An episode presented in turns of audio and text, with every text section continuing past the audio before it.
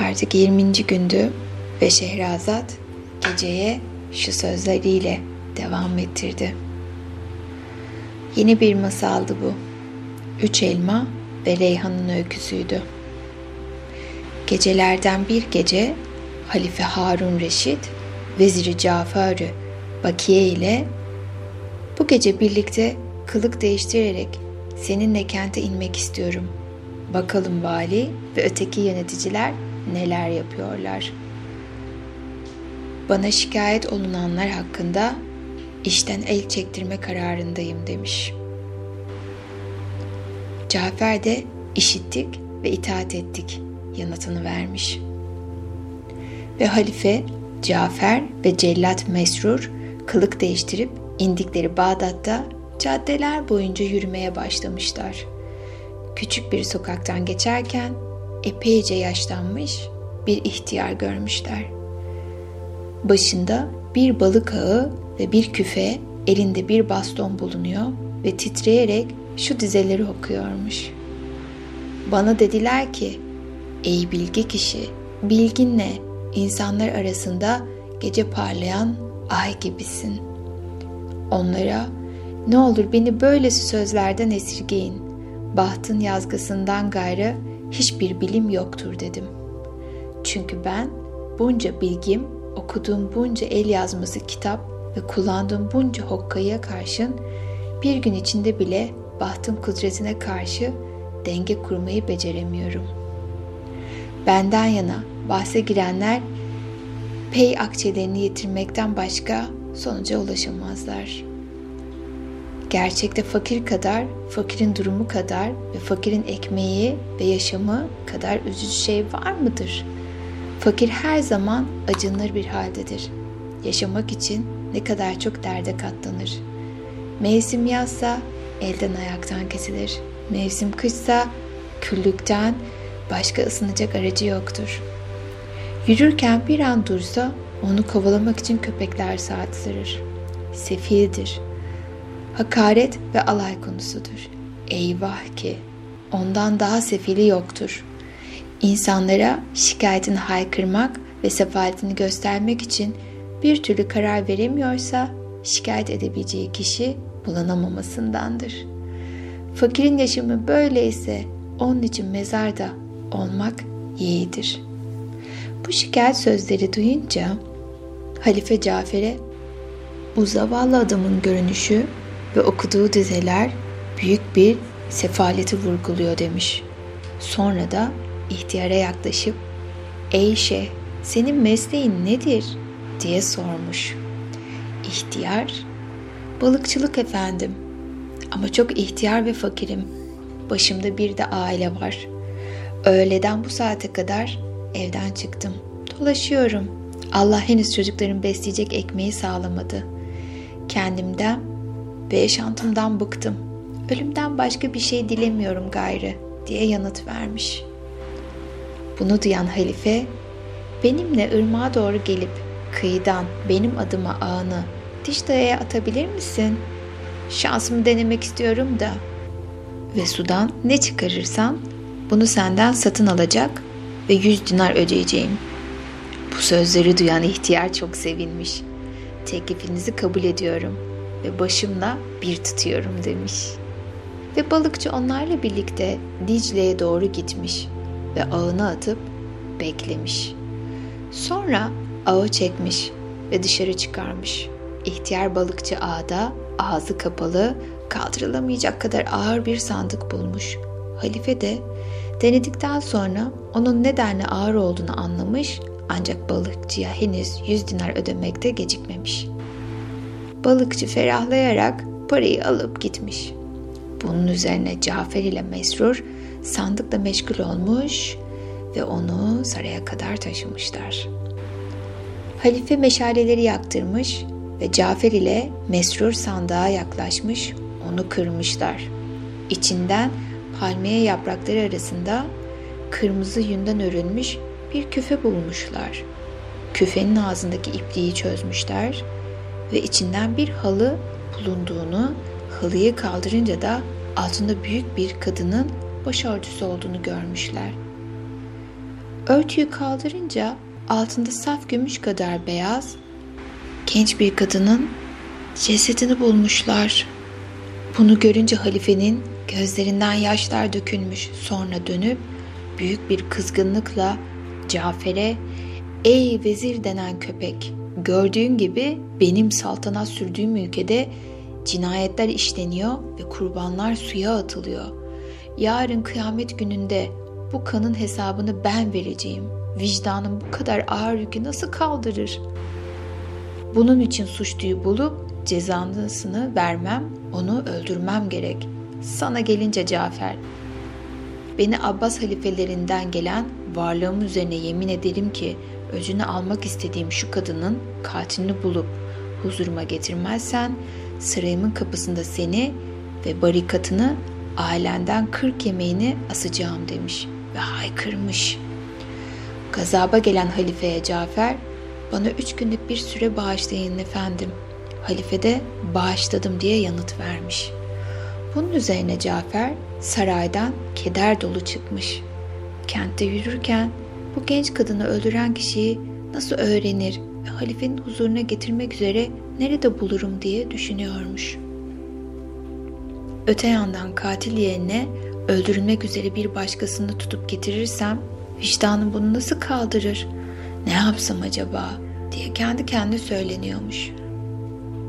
Böylece Cafer evine ulaşmış ve verilen sürenin üç gününü umudunu kırık orada geçirmiş. Dördüncü gün halife onu çağırtmış. Elleri arasında başını yere değdirerek selamlayınca halife ona genç kadının katili nerede diye sormuş. Cafer, tüm kentin içinde görünmeyen ve gizli olan bir katili nasıl bulabilirim bilmiyorum diye yanıt vermiş. Halife buna çok kızmış ve Cafer'in saray kapısından asılmasını ve tellalların bunu bütün kente ve yöresine halifenin vezirine Cafer-i Barik'in ve yakınlarındaki 40 kişinin sarayının kapısında asılmasını göstergesini istemiş. Ve tüm Bağdat halkı Cafer ile yeğenlerinin idamında bulunmak üzere sokaklardan saraya doğru akın etmeye başlamışlar. Ama olayın nedenini kimse bilmiyormuş. Cafer ve Barmakiler yaptıkları iyilikleri ve cömertlikleri dolayısıyla çok sevildikleri için herkes üç üzüntü içindeymiş ve yakınıp duruyorlarmış. İdam sehpası dikilip mahkumlar altına dizilince halifenin idamının yerine getirilmesi izni verilmiş ve işitilmişti. Birdenbire tüm halkın ağladığı bir sırada çok fakir giyimli, yakışıklı bir delikanlı aceleyle halkı yarmış ve kendini Cafer'in ayaklarına atmış ve ona ''Ey efendim, ey soyluların en soylusu, ey fakirlerin sığınağı, sana teslim olmaya geldim. Çünkü o kadını öldürüp oraya koyan bendim. Sandığı Dicle'de bulduğunuz halde koyan benim. Şimdi siz de beni öldürün, adalet yerini bulsun demiş. Cafer genç adam sözlerini duyunca kendi adına çok sevinmiş ama genç adam adına çok üzülmüş. Dolayısıyla daha ayrıntılı açıklamalar yapmasını istemiş. Ama bu durum herkesin ortasında olması herkesi çok ama çok heyecanlandırmıştı. Bu sırada halkı yarıp saygın bir ihtiyar aceleyle yanına yaklaşmış, onları selamlayıp ''Ey vezir, bu genç adamın söylediklerine inanma. Çünkü genç kadının ölümünden benden başka sorumlusu yoktur ve sadece ben bunun cezasını çekmeliyim.'' demiş.'' Ama genç adam, ''Ey vezir, bu ihtiyar saçmalıyor, ne dediğini bilmiyor. Onu öldürenin ben olduğumu tekrarlıyorum. Aynı tarzda öldürülmek de bana düşer.'' demiş. Bunun üzerine yaşlı adam, ''Çocuğum, sen daha gençsin ve yaşamını sevmelisin. Bense yaşlıyım. Bu dünyaya doymuşum. Senin yerine vezirin ve yeğenlerinin kanının bedelini ödemeliyim. Onun için katilin ben olduğunu tekrarlıyorum.'' Ve ceza bana verilmelidir demiş. Bunun üzerine Cafer muhafızların kumandanının rızasıyla kendileriyle birlikte genç adamın ve ihtiyarın halifenin huzuruna çıkarılmasını sağlamış ve ona Emirül Mümin işte genç kadının katili huzurunuzda demiş. Halife hani nerede diye sormuş. Cafer bu genç adam katilin kendisi olduğunu iddia ediyor ve teyit ediyor. Ama ihtiyar onu yalanlıyor ve cinayeti kendisinin işlediğini söylüyor demiş. Bunun üzerine halife ihtiyar adama ve delikanlıya bakmış ve onlara ikinizden hanginiz genç kadını öldürdü diye sormuş. Genç adam ben öldürdüm diye yanıt vermiş. Şeyh hayır o benim işte diyerek araya girmiş. Bunun üzerine halife daha fazla bir şey sormadan Cafer'e ikisini de al ve götür, idam et emrini vermiş. Ama Cafer eğer sadece bir tek katil varsa ikincisini öldürmek büyük bir adaletsizlik olur demiş. Bunun üzerine genç adam gökleri bulunduğu yükseklikte kuran ve dünyayı bulunduğu genişlikte yaratan Yüce Tanrı adına yemin ederim ki genç kadını öldüren kul benim.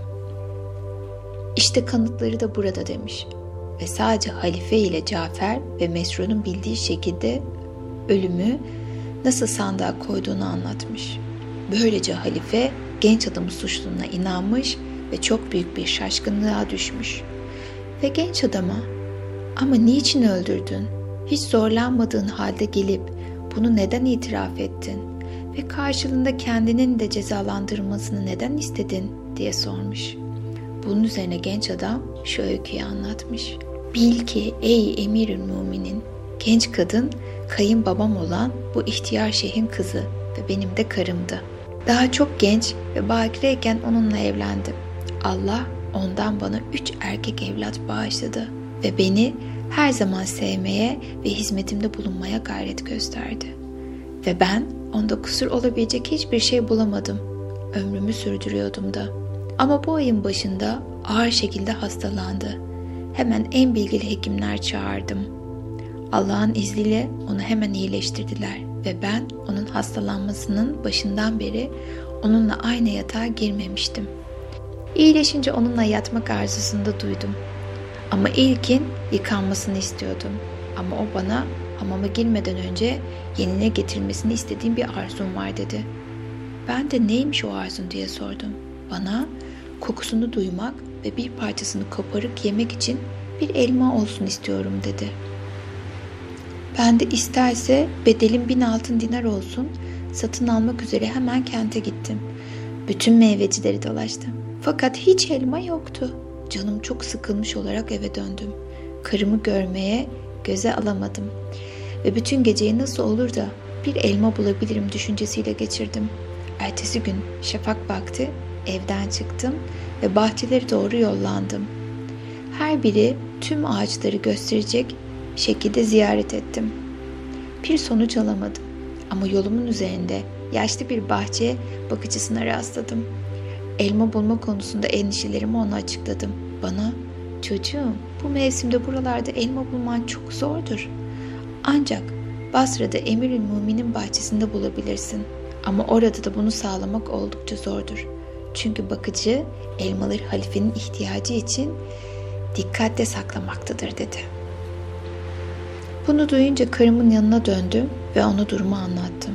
Ama o bana karşılığında duyduğum sevgi beni hemen geziye çıkıp onun istediği yerine getirmeye zorladı. Ne var ki yola koyuldum. Gece gündüz 15 gün yol ararak Basra'ya geldim. Fakat bahtım bana gülmüş ve karımın yanına Basra'daki bahçenin bakıcısına 3 altın dinar ödeyerek sağladığı üç elmayıyla dönmüştüm. İyice keyifli. Eşimin yanına dönmüş ve üç elmayı sunmuştum. Bana o bunları görünce hiçbir sevinç alameti göstermedi ve önem vermeksizin elmaları yanına bir el yerlere koydu. Bununla birlikte benim yokluğumda karımın yeniden ateşinin yükseldiğini ve onun etkisinde tuttuğunu gördüm. Karım 10 gün daha hasta yattı. Ben de bu süre içinde bir an olsun başucundan ayrılmadım. Fakat Tanrı'ya şükür olsun bu sürenin sonunda sağlığını toparladı. Bunun üzerine çıkıp dükkanıma gidebildim ve alışverişe koyuldum. Böylece dükkanımda otururken öğleye doğru elinde tuttuğu elma ile oynayarak yoldan geçen bir zenci gördüm. Bunu görünce çağırıp ona ''Hey dostum, Bana bu elmayı nereden aldığını söyler misin? Ben de gidip almak istiyorum dedim. Bu sözlerime gülerek zenci, bunu sevgilim bana verdi. Epeydir onu görmemiştim. Ziyaretine gittiğimde onu rahatsız buldum. Yanı başında üç elma vardı. Sorunca bana düşünsene sevgilim budala boynuzlu kocam bunları satın almak için Basra'ya kadar gitti ve üç altın dinar ödeyerek bunları aldı dedi. Sonra da elimde gördüğün şu elmayı bana verdi dedi. Zenci'nin bu sözleri üzerine ey emirül mumin dünya gözümde karardı. Hemen dükkanımı kapattım. Hiddetimin şiddetimin aklımı yitirmişçesine yol olarak eve döndüm. Yatağın üzerine baktım. Gerçekten elmanın biri yoktu. Bunun üzerine eşime üçüncü elma nerede diye sordum. Bana hiç bilmiyorum, farkında bile değilim dedi. Böylece zencinin sözlerini doğrulamış oluyordu. Bunun üzerine bir bıçak bularak ve dizlerimi karnıma bastırarak onun canını aldım. Ve sonra onu bir sandığa koydum. Üstünü örttüm, halıyla kapattım ve sandığı da çiviledim. Sandığı katırıma yükledim ve hemen atmak üzere Dicle'ye gittim. Ve de bunu kendi ellerimle yapmak istedim. Böylece ey emirim mümin, cinayetim cezası olarak da ölümümü tezleştirmene yalvarıyorum. Ben de aynı tarzda öleyim. Zira kıyamet gününde bunun hesabını vermemekten korkarım. Onu kimse görmeden Dicle'ye attıktan sonra eve döndüm. Orada büyük oğlumu ağlarken buldum. Ve annesinin ölümünü bilmediğinden emin olmakla birlikte yine de ona niye ağlıyorsun diye sordum. Bana annemin elmalarından birini aldım ve arkadaşlarımla oynamak için sokağa indiğimde yanımda iri kıyım bir zenciyi vardı. Zenci elimdeki elmayı kaptı ve bana bu elma nereden geldi diye sordu. Ona babam getirdi dedim. Gidip onu üç altın dinar verip Basra'da annem için diğer iki benzeriyle satın aldı dedim. Bu sözlerime karşın zenci bana bu elmayı geri vermedi. Beni tokatladı ve elmayı alıp gitti. Şimdi annem elma yüzünden beni döver diye korkuyorum şeklinde yanıt verdi. Çocuğun sözlerini duyunca zencinin kayınpederimin kızı hakkında yalan sözlerini söylediğini ve onu haksız yere öldürdüğümü anladım. Bunun üzerine sel gibi gözyaşı döktüm. Sonra da kayınbabamın yanında gördüğünüz bu saygın şeyhi görmeye gittim. Bu acıklı öyküyü ona anlattım. Bunları duyunca yanıma oturdu. O da ağlamaya başladı. İkimiz birlikte ağlamayı gece yarısına kadar sürdürdük. Sonra da beş gün süreyle matem tuttuk. Bugüne kadar da karımın ölümünün üzerine ağlayıp inleyip durduk. Ey emirim mümin! Atalarının kutsal anısı uğruna benim cezamı hemen vermeni ve bu cinayetin kefaretini ödetmeni senden yalvararak diliyorum demiş. Bu öyküyü duyunca halife çok sarsılmış ve vallahi bu hain zenciden başkasını öldürmek istemem diye haykırmış. Fakat anlatısının bu noktasında Şehrazat gün doğduğunu görmüş ve yavaşça sesini kısmış. Ve derin bir uykuya dalmışlar. Ve ertesi sabah olduğunda eşi büyük bir merak içinde hikayenin devamını dinlemek istermiş. Fakat Şehrazat, ey sultanım gece oluncaya kadar beklemeni isterim demiş. Ve gece olduğunda söze başlamış Şehrazat.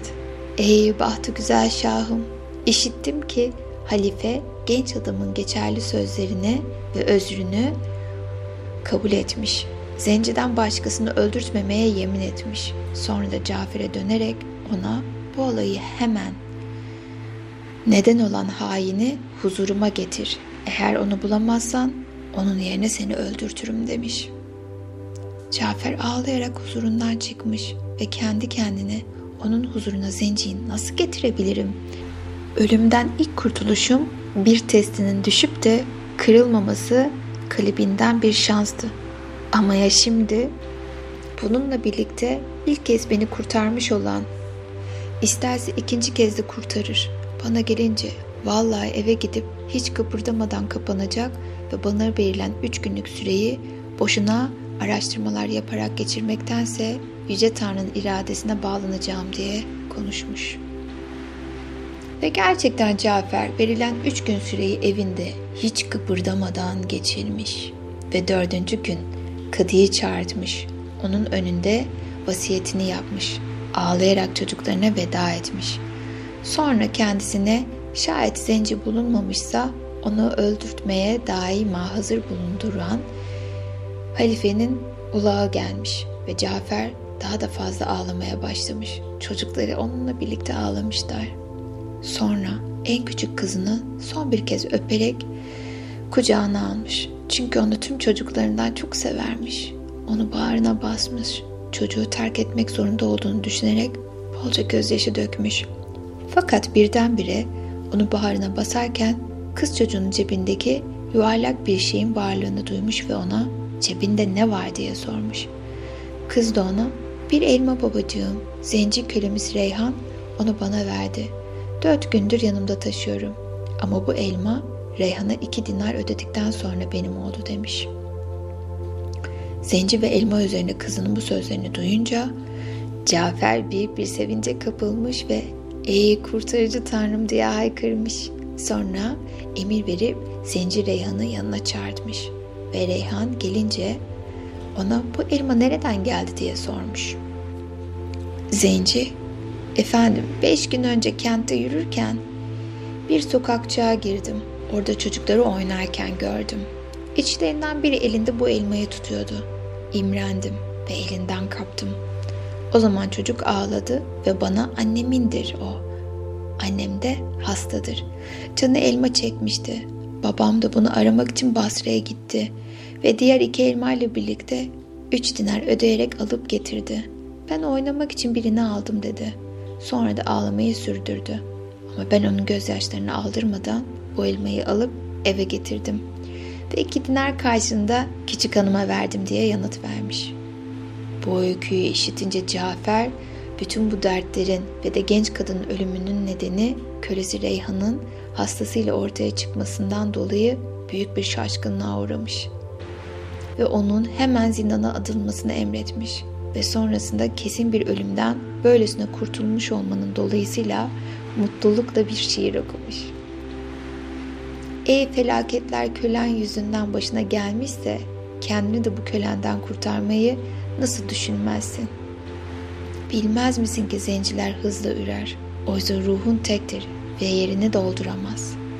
Sonra düşüncesini değiştirmiş ve zenciyi alıp onu halifenin huzuruna çıkartmış ve onu öyküyü anlattırmış. Halife Harun Reşit duyduklarını öylesine şaşırmış ki bu öykünün insanoğullarına ibret oluşturması için yazılıp arşive konmasını emretmiş. Ama Cafer ona Ey emir mümin bu öyküye pek o kadar takılma. Çünkü bu öykü Vezir Nurettin ile kardeşi Şemseddin'in öyküsüne denklik sağlamaktan çok uzaktır demiş. O zaman halife eşittiğimiz öyküden daha şaşırtıcı olduğunu iddia ettiğin öykü de nedir diye haykırmış. Cafer, ey emirim mümin, düşüncesizce davranışından ötürü kölem Reyhan'ı bağışlamız koşuluyla bunu size anlatırım demiş. Halife de öyle olsun kanını sana bağışladım demiş. Ve vezir Nurettin ve kardeşi Vezir Şemseddin'in ve Hasan Bedrettin'in öyküsünü anlatmaya başlamış. Bunun üzerine Caferül Barmaki şöyle sözlerine başlamış.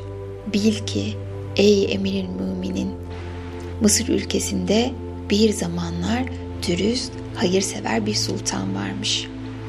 Bu sultanın da fen ve edebiyat ta derinden aşina bilgi veziri varmış.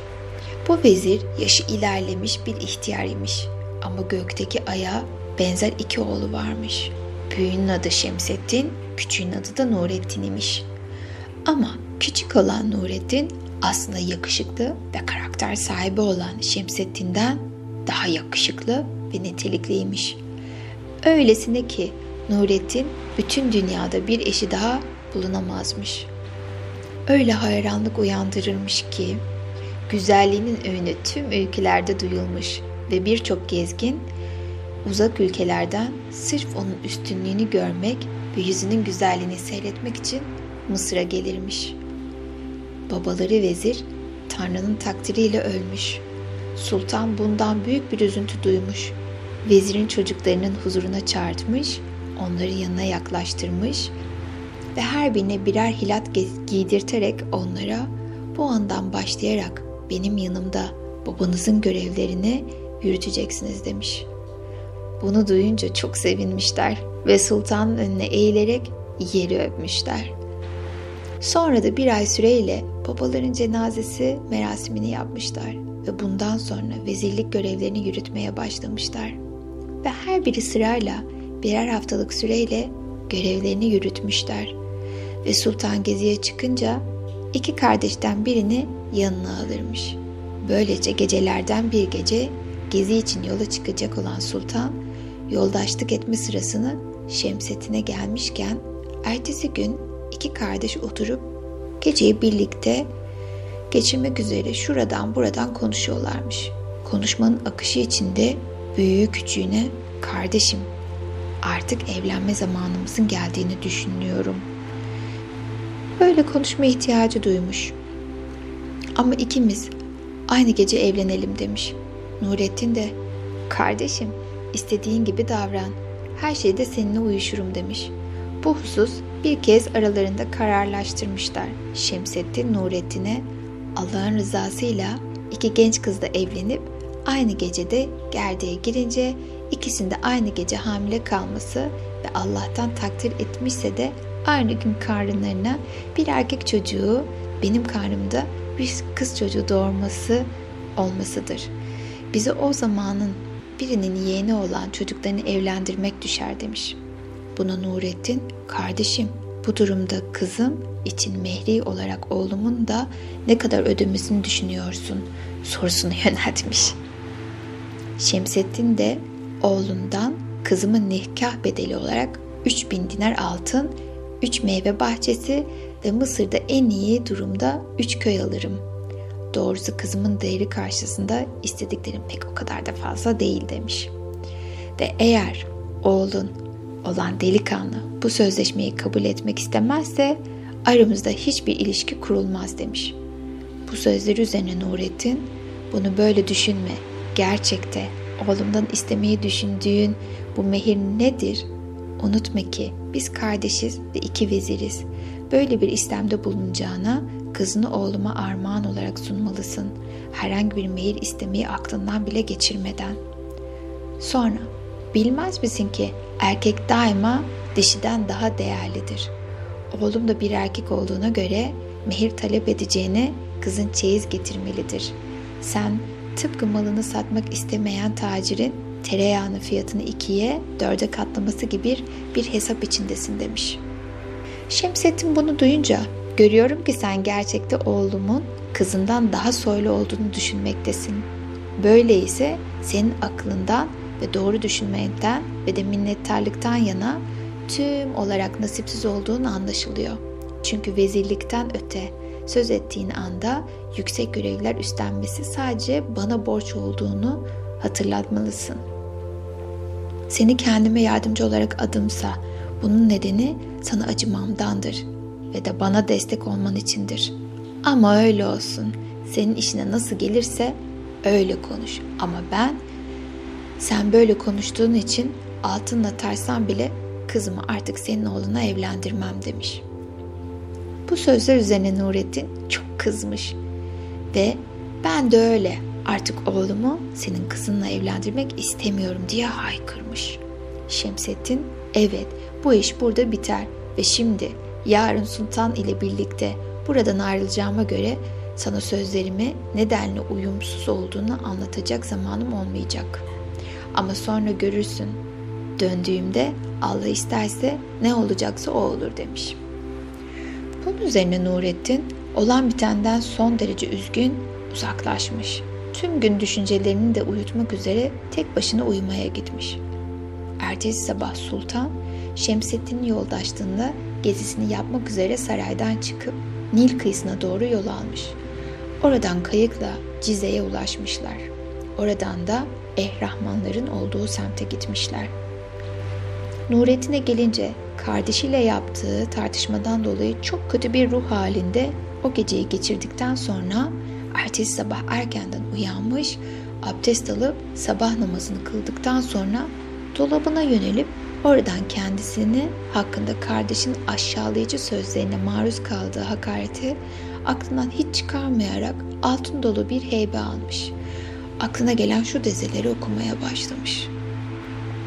Yola çıktım dostum. Her şeyi bırak ve yola çık. Terk ettiğin dostlar yerine pekala başkalarını bulursun. Git, evden çık ve çadırı kur. Çadırda yat kalk. Yaşımın zevkleri orada sadece oradadır. Uygar ve dayanıklı meskenlerde sıcaklık yoktur asla. Dostluk yoktur asla. İnan bana, yurdundan kaç. Yurdunun toprağında köklerini sök ve yabancı ülkelere yerleş. Dinle, durgun su çürüyüp kokar. Yine de akıntıya dönüşürse kokuşmuşluğundan kurtulabilir. Yoksa başka türlü iyileşemez. Dolunayken ayı gözledim. Gözlerinin ışıktan gözlerinin sayısını öğrendim. Ama boşluktaki dolanım turlarını izlemek zahmetine katlanmadıysam her semtinin gözleri bana yönelen o gözleri tanıyabilir miydim? Ve arslan, tıkız ormandan çıkmasaydım aslanı sürüp avlayabilir miydim? Ve ok, yaya bağlı olsa yarayabilir miydi ki? Ve altın ya da gümüş, maden damarlarından çıkarılmasaydılar değersiz bir toz olmayacaklar mıydı? Ve uyumlu bir ota gelince onu bilirsin, ona şekil vermek üzere işçisi ağacını topraktan sökleyip çıkarmasaydı oduncuya odun olurdu. Terk et ülkeni sen de, tepelere çıkarsın ama toprağına bağlı kalırsan yükseklere asla ulaşamazsın. Bu dizeleri okuyup bitirince genç köklerinden birine alaca renkte iri ve iyi yol alan bir katırı komşusuna hazırlamasını emretmiş. Köle katırların en güzelini seçerek İspahan katifesinden eğer altını serip altın telli nakışta süslü eğri Hint işi üzengileri takarak hayvanı öyle bir hazırlamış ki evlenmek üzere iyice süslenmiş bir yeni gelin görünümü almış. Nurettin ayrıca bunların üzerine büyüyecek bir ipek halı bir de namazlık halı konmasını emretmiş. Ve bütün bunlar yerine getirilince heybeyi altın, mücevherlerle doldurup küçük halı ve büyü arasında sıkıştırmış. Bunlar yapılınca köle çocuğa ve diğer kölelere kentin ötesinde Kalbiye yöresinde bir geziye çıkıyorum. Orada üç gece kalacağım. Çünkü göğsümde bir daralma duyuyorum. Orada açık havayı soluyarak biraz ferahlamak istiyorum. Ama beni kimsenin izlemesini istemiyorum demiş. İki kardeşten bir tanesi sultanla yolculuğa çıkarken diğeri de bir başına yeni yolculuğuna, yeni kader çizgisine doğru yol almış. Şemsettin ve Nurettin'in hikayesine bir sonraki bölümde devam edeceğim. Peki şimdi siz de derin bir uykuya dalıyor ve sabahleyin uyandığınızda kendinizi mutlu, enerjik, dinç hissederek uyanıyorsunuz ve derin bir uykunun vermiş olduğu o muhteşem hayat enerjisiyle uyanıyorsunuz. Güzel uykular.